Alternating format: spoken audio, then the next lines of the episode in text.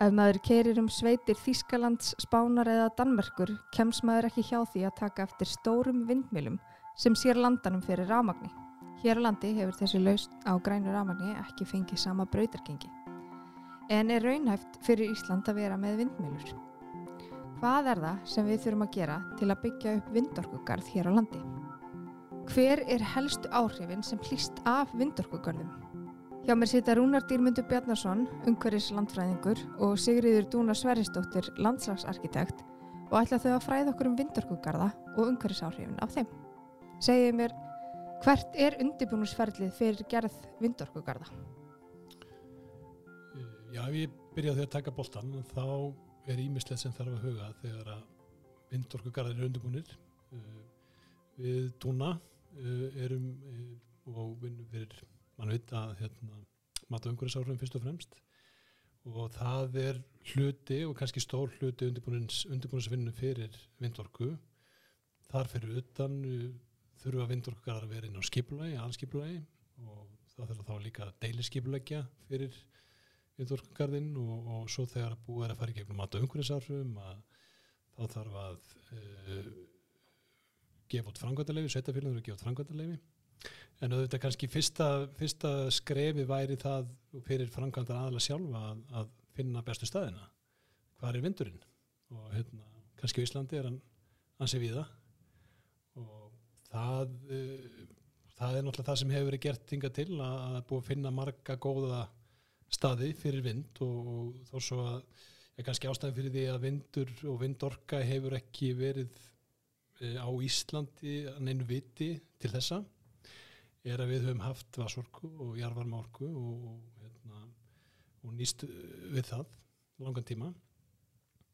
Og líklega og ef til vill er það líka núna eh, orðið kannski vinsallega hérna í Íslandi að það er orðið ódýrar að, að setja upp vindur og garda og þá farir mann að horfa meira í það. Og kannski þess vegna er þetta komið meira hérna á Íslandi en við náttúrulega höfum eins og segi borðið þau gæði að hafa hýna sjálfbæri orkostina, vatn og jarvarma, þannig að núna kannski er vindur að bætast við að meira mæli, þó svo að sé líti búið að byggja upp af vindorku.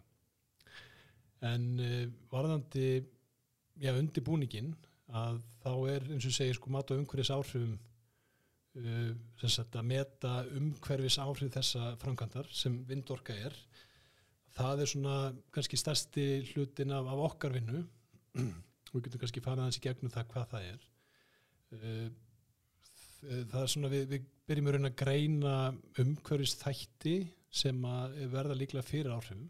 Hverjir eru það, er það, er það mannfólkið, er það gróðurinn eða dýralíf eða áleika og, og það fer í gegnum svona okkurði ferli og þetta er ofinbært ferli þar sem allir getur tekið þátt. Svolítið svona eins og bara skiplásmál þar sem maður geta mætt á fundi og spurt og og hérna, fengi upplýsingar og, og gefi aðtóðsendir og oft fáum við kannski frekar neikvæðar aðtóðsendir en, en mjög jákvæð fyrir því að fá jákvæðar aðtóðsendir það er mann líkar vel við.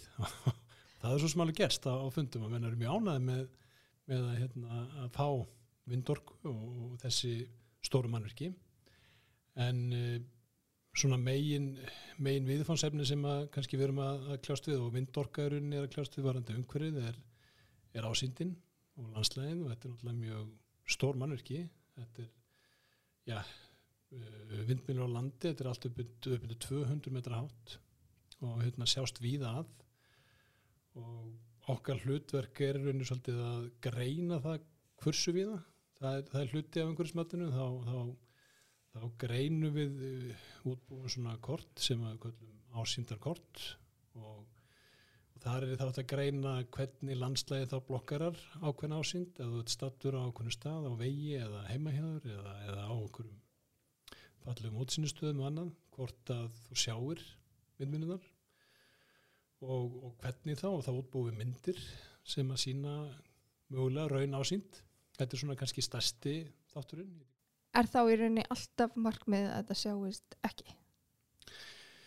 Það er, það er rosalega erfitt markmið, nánast ómögulegt. Já, þetta er mjög hátt. Þetta er svo hátt, sko.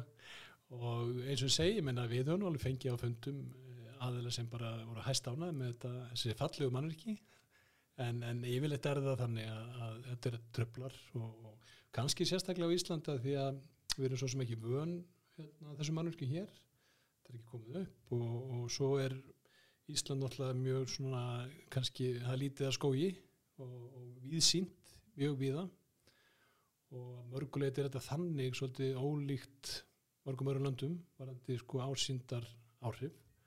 Og þá er við náttúrulega með hálendi til dæmis sem að það sem mjög vísind og, og lítill gróður og, þá er það einn af þessum þáttur sem við þurfum að taka inn í hvort að þetta reynilega sjáist frá góðum útsinnistöðum og öðrum stöðum frá hálendinu.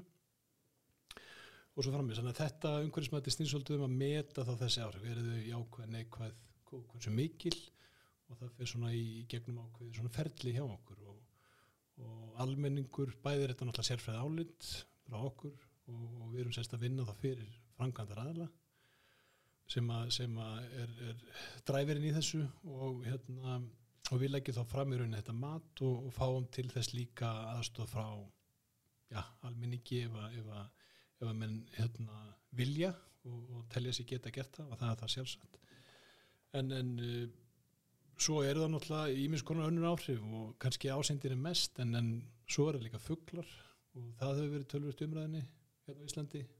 Núna nýverið vegna þess að það eru margir aðra sem eru að, að hugsa um mynd núna og eru að setja fram einhverja óskýrum vindorku.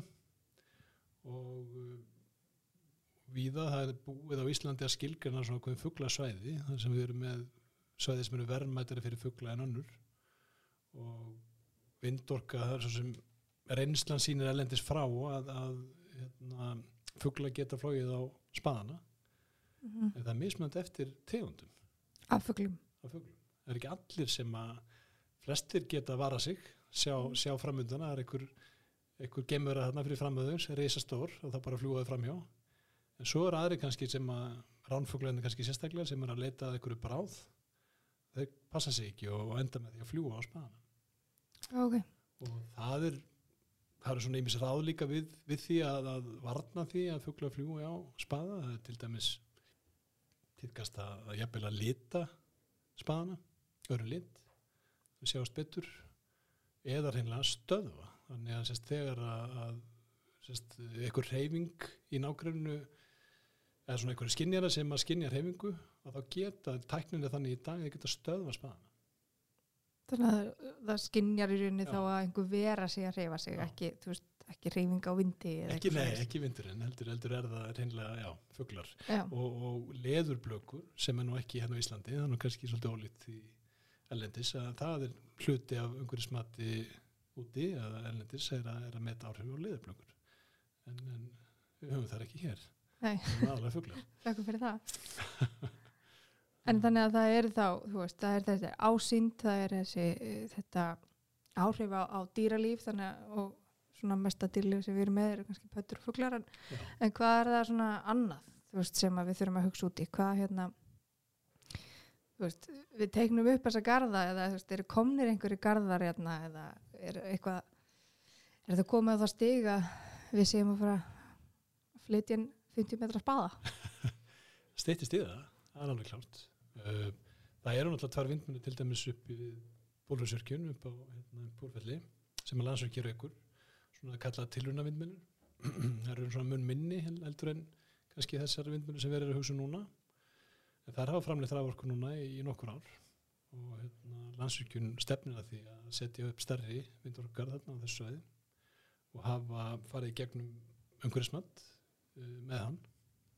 En það eru er ótar margir vindorkugarðar í, í sko, ég skulle segja sem hafa verið kynntir í, í rammaállun og uh, það er svona ferli sem að, að kannski menn fara fyrst í núna með orku kosti alla, þar á með vindorku og uh, það er ferli sem er í rauninni bara í gangi.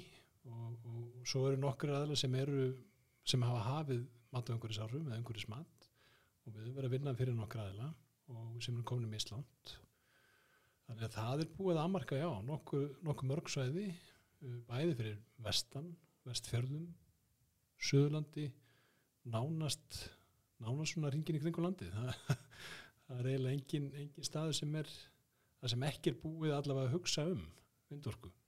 Já, þannig að getur við séð eftir 10-15 ár getur verið saman tilfinning að gera um Danmörku og gera um Ísland. Já, kannski ekki. Við náttúrulega erum með stort land, uh, Mhm. miklu orku, uh, eðli eins og rammaállunum er að varpa öllum kostum fram, en kannski varpa öll á borðið og svo eru kannski valdir nokkur út úr því mengi. En, en e, maður sér alveg fyrir sér já að það verði nokkur vindorkugarðar á Íslandi eftir tíu ár, ég. En, en þar kemur náttúrulega líka sveitafélagunum og, og ríkinu að, að kannski aðmarka líka svæðin sem að þau vilja kannski skilja eftir og, og vilja ekki hafa vindork á, kannski út af ásindamálunum eins og við talaðum á hann, kannski þessi verðmætustu svæði. Þó að svo skilning svo sem liggja mörguleiti fyrir í náttúruvendalögum og fleiru. Uh, en, en uh, já, og svo eru sveitafélagana kannski að líka marka stefnu um vindorku í aðskiplas áallunum og það eru sum búin að gera það nú þegar til dæmis í, í Dalabið þar sem að við erum að vinna einu verkefni og, það er eitt annað sem að er í pípunum eins og maður segir. Og hafa verið kynnt fyrir íbúum og hérna, hérna, er, er svona í vinslu þetta umhverjus mat og þessi leifisferðlu taka nokkur ár. Þetta það er þetta er alveg sko 2 til, 2 til 4 ár að, að undibúa svona verkefni.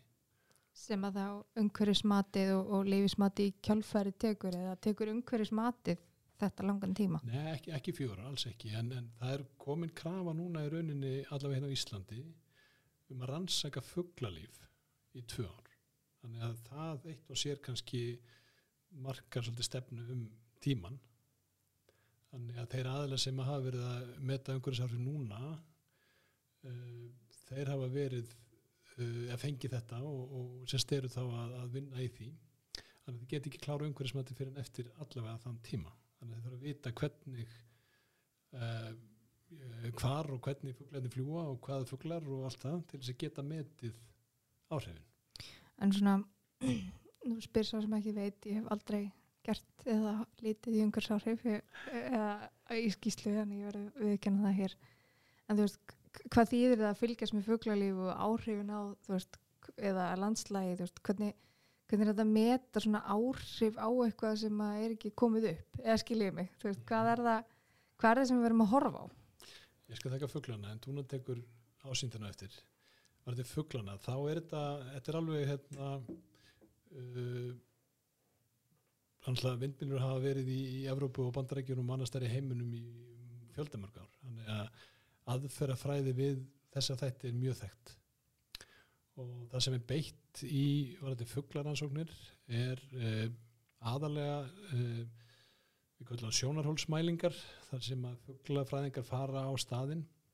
Það að byrja á því að greina í rauninni hvaða, hvaða upplýsingar við höfum í dag og stundur líka fyrir góður upplýsingar um tegundir og, og, og flug, fugla um þetta svæði tiltegna og stundum er þess að þegar mann er að finna staðsendingu og þá kannski erum við miðið át frá því að vera kannski ekki á þeim svæðin sem að mikið, mikið að farfuglum er eða annað.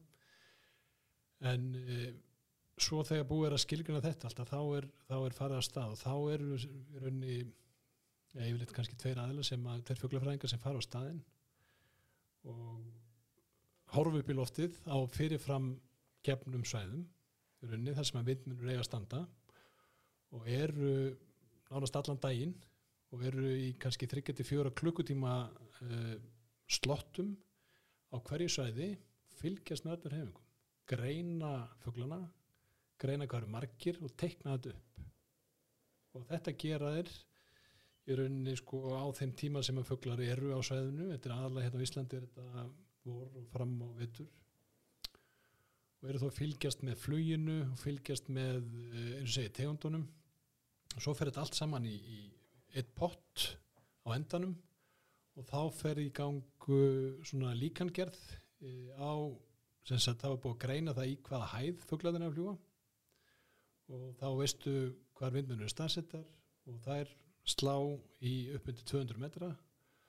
Og ef að og þá er henni fer fram einhvern mat á því hvað eru margir, margar tegundir sem er í þessari hæð og gætu orðið fyrir áhrifum Þannig að þetta er svona þessi grunnvinna sem þarf að að stað til þess að greina raunni reyfingar fuglana fyrirfram og hvað tegundir.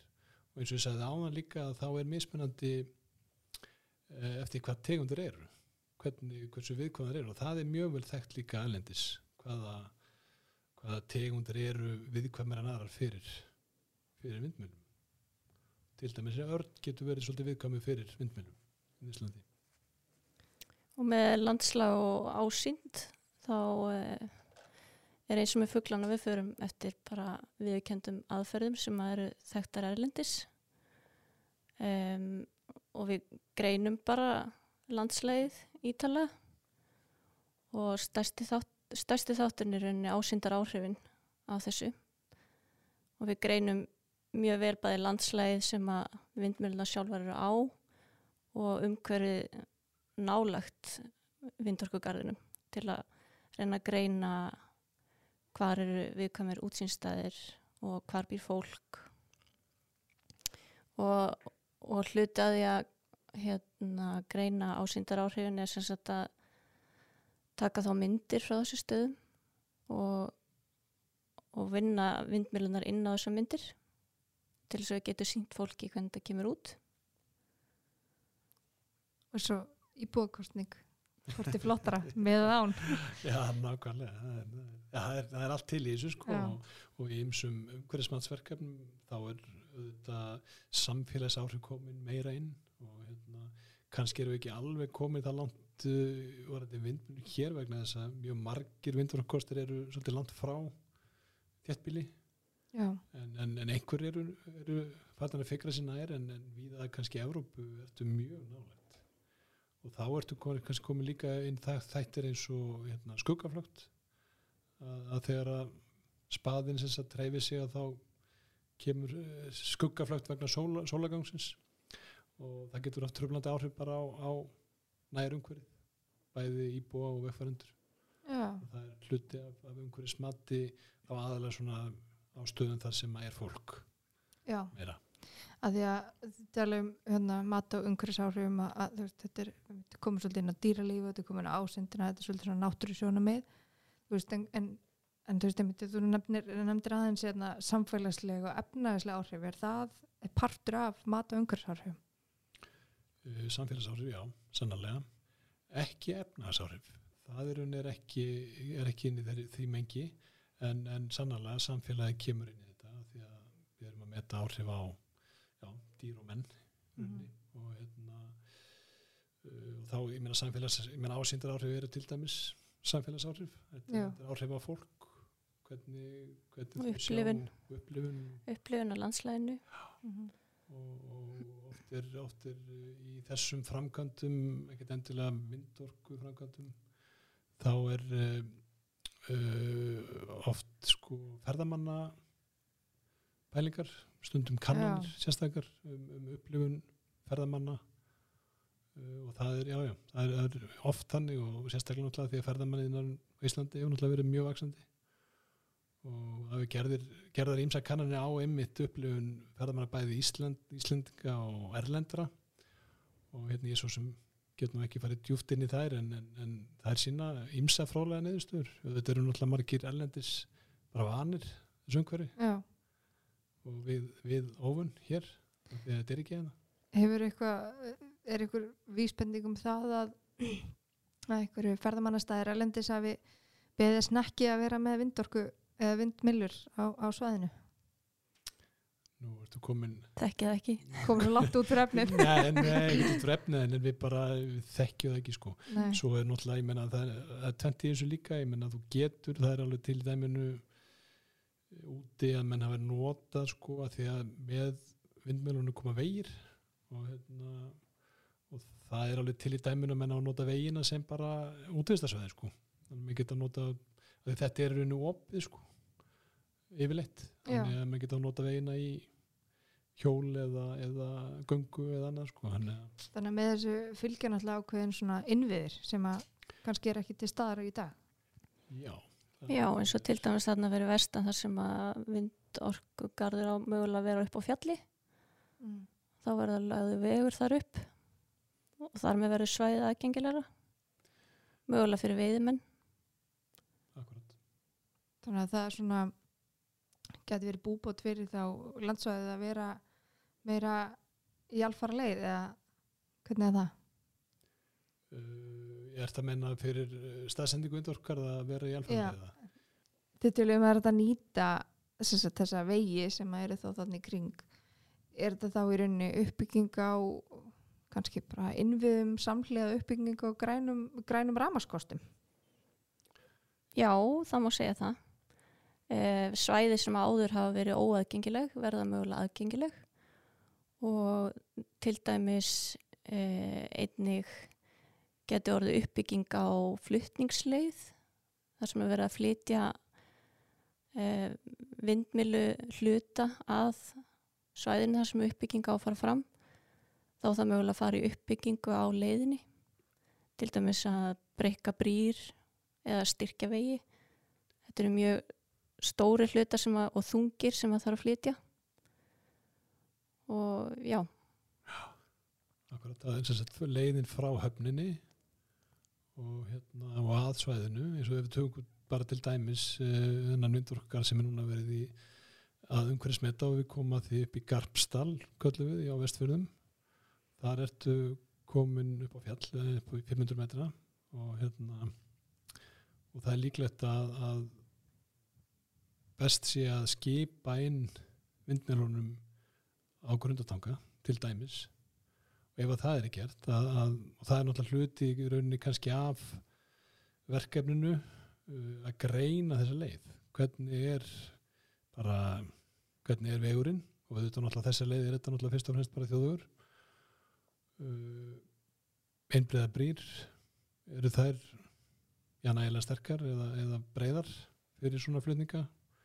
Eru beigjuraddjösar í lægi af því að þetta er, og segir sko hvað er vindmjölu spaði, er hann ekki 50 metrar cirka, ja, 60 og 60 eitthvað metrar. Eitt spaði og hann flýst í heilu lagi þannig að hérna, frá höfn að áfangastað. þannig að fyrir áhersam endilega farið á YouTube og skoðið flutninga á vindmjölum og sjáðu hvað þetta er, Svona til er þá held ég að lengsti flutningabíl með vagn sé 30 metrar.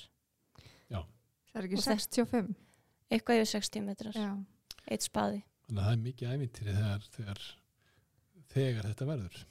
Þannig að í rauninni þess að íbúar og bara reyndar allir landsmenn geta grætt svolítið á því að, að þetta sé tekið inn í, inn í uppbyggingu á grænur ramaskostum það er náttúrulega allur gangur af því. Menna, niðurstaður svona greiningu gæti verið svo að þetta ekkert að gera.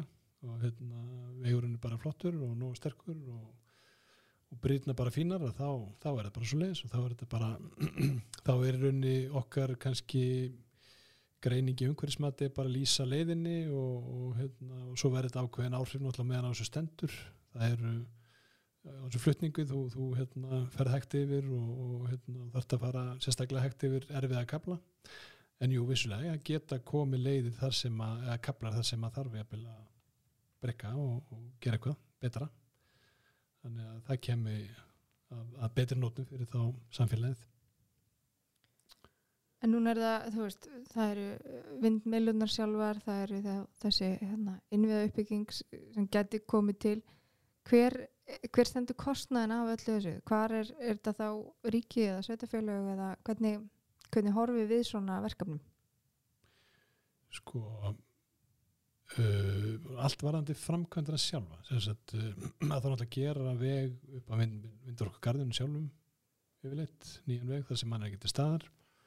Og allt sem að lítur að framkvæmdini sjálfri það er náttúrulega framkvæmdar aðeins sjálfur sem að ber kostnaða því en svo er það eins og segi ef, ef að þyrfti að koma til einhvers konar styrkinga á þjóðveginu með annað, ég er svo sem alltaf ekki að tjá mig um það, ég veit ekki hvernig, hvernig það væri, hvort það væri eitthvað sameilu kostnaður eða, eða hvort það væri bara ríki sem að sig. útfærstaðri Já, ég myndi segja það.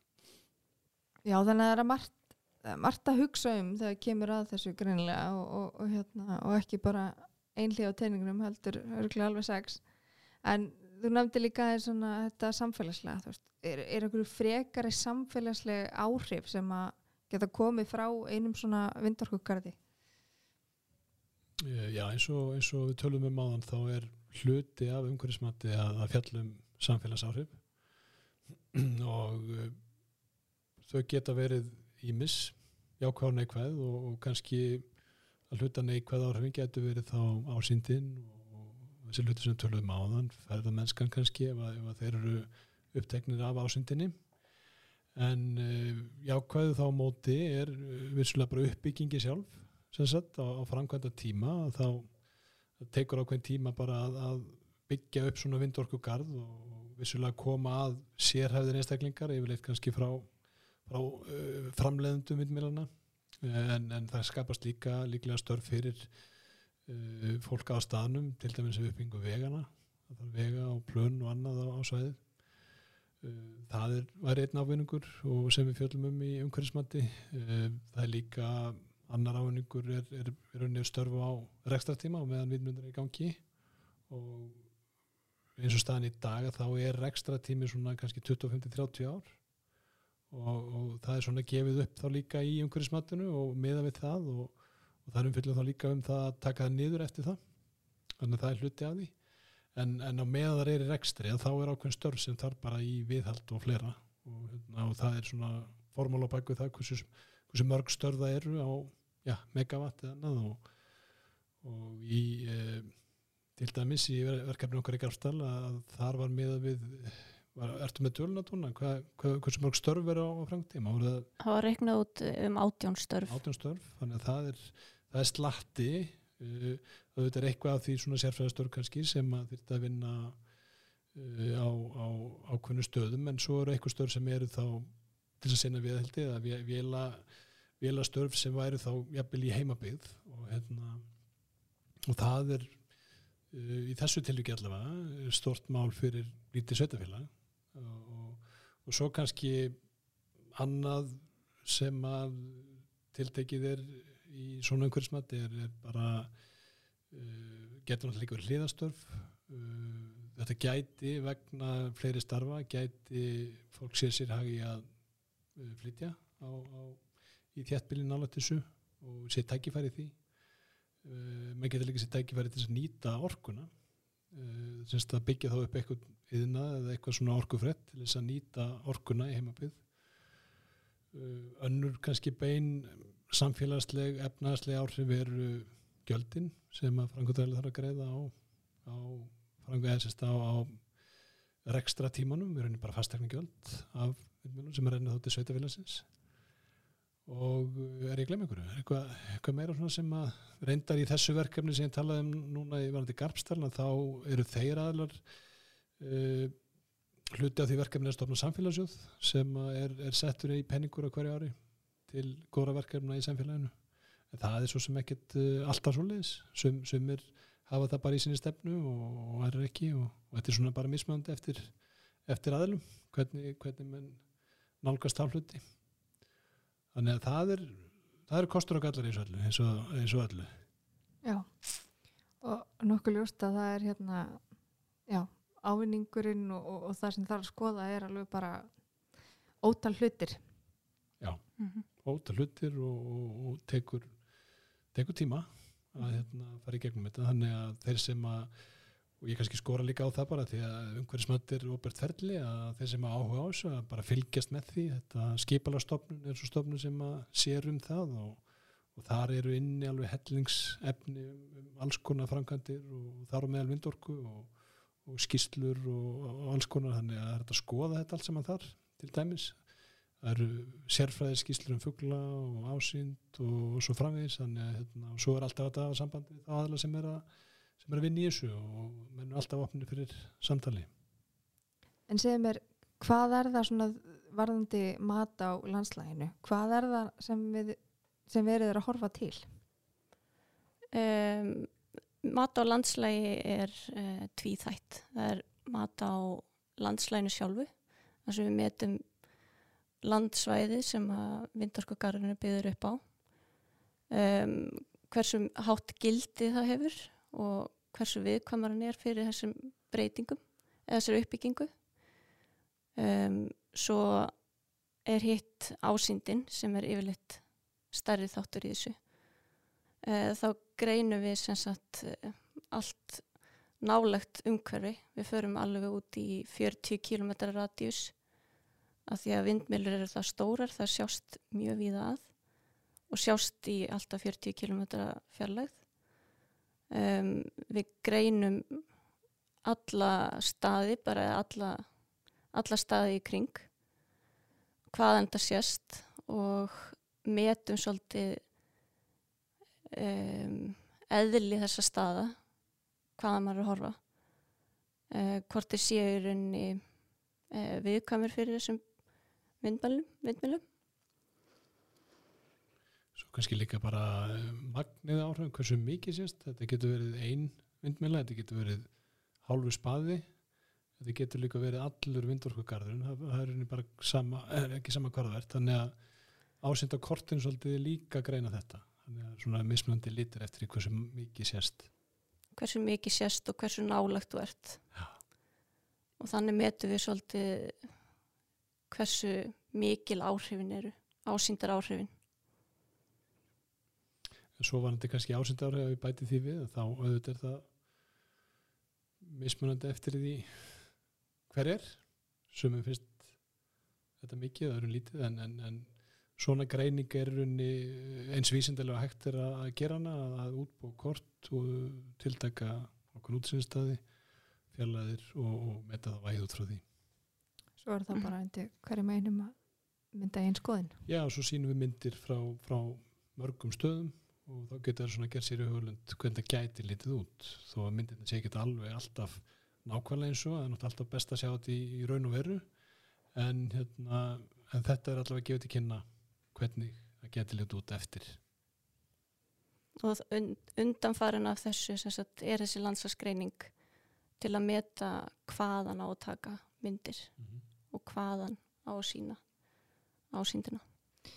Þannig segir að það þarf að taka mið alltaf 40 km radius að þetta er svo stórt. En hérna hvað, hvað með eins og flugvílar þarf að hafa ágjör af flugvillum og flugvillum við svona greiningar? Uh, já, það er eitt þáttur sem er rauninni metin ekki sem kannski umhverfis áhrif en svona við komum aðeins inn á það í umhverfismatinu um, maður þarf að greina í rauninni hvort að vindmjölgarðurinn sé nálegt flugvöllum eða flugleiðum. Og uh, oftast þarf að, um, ljó, að merkja vindmjölunar með ljósum. Að setja ljós á vindmjölunar til þess að sjáust á lofti. Það er til þess að já flugvilar geti séð hvað að það eru. flogið á vindmilu hvorki, fuglarni og flugvilar þetta er greiðlega yðnaður í bara hérna, þróun á ljósum.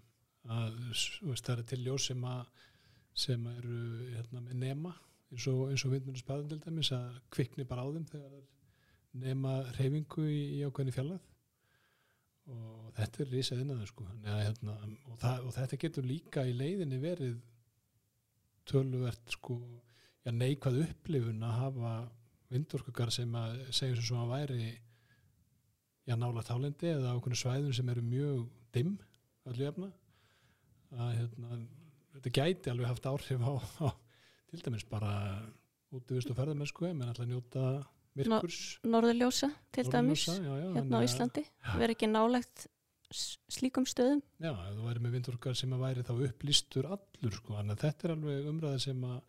Sem er tekin í, í umhverfismatunum til dæmis og hvort að þurfi að hafa ljósa öllum vindmjölum eða bara í útjæðri eða, eða hvernig það er sko, en auðvitað er það samgangustofa sem að rauninni sér um þessi mál og, og veitir leifi á endan fyrir lýsingunni.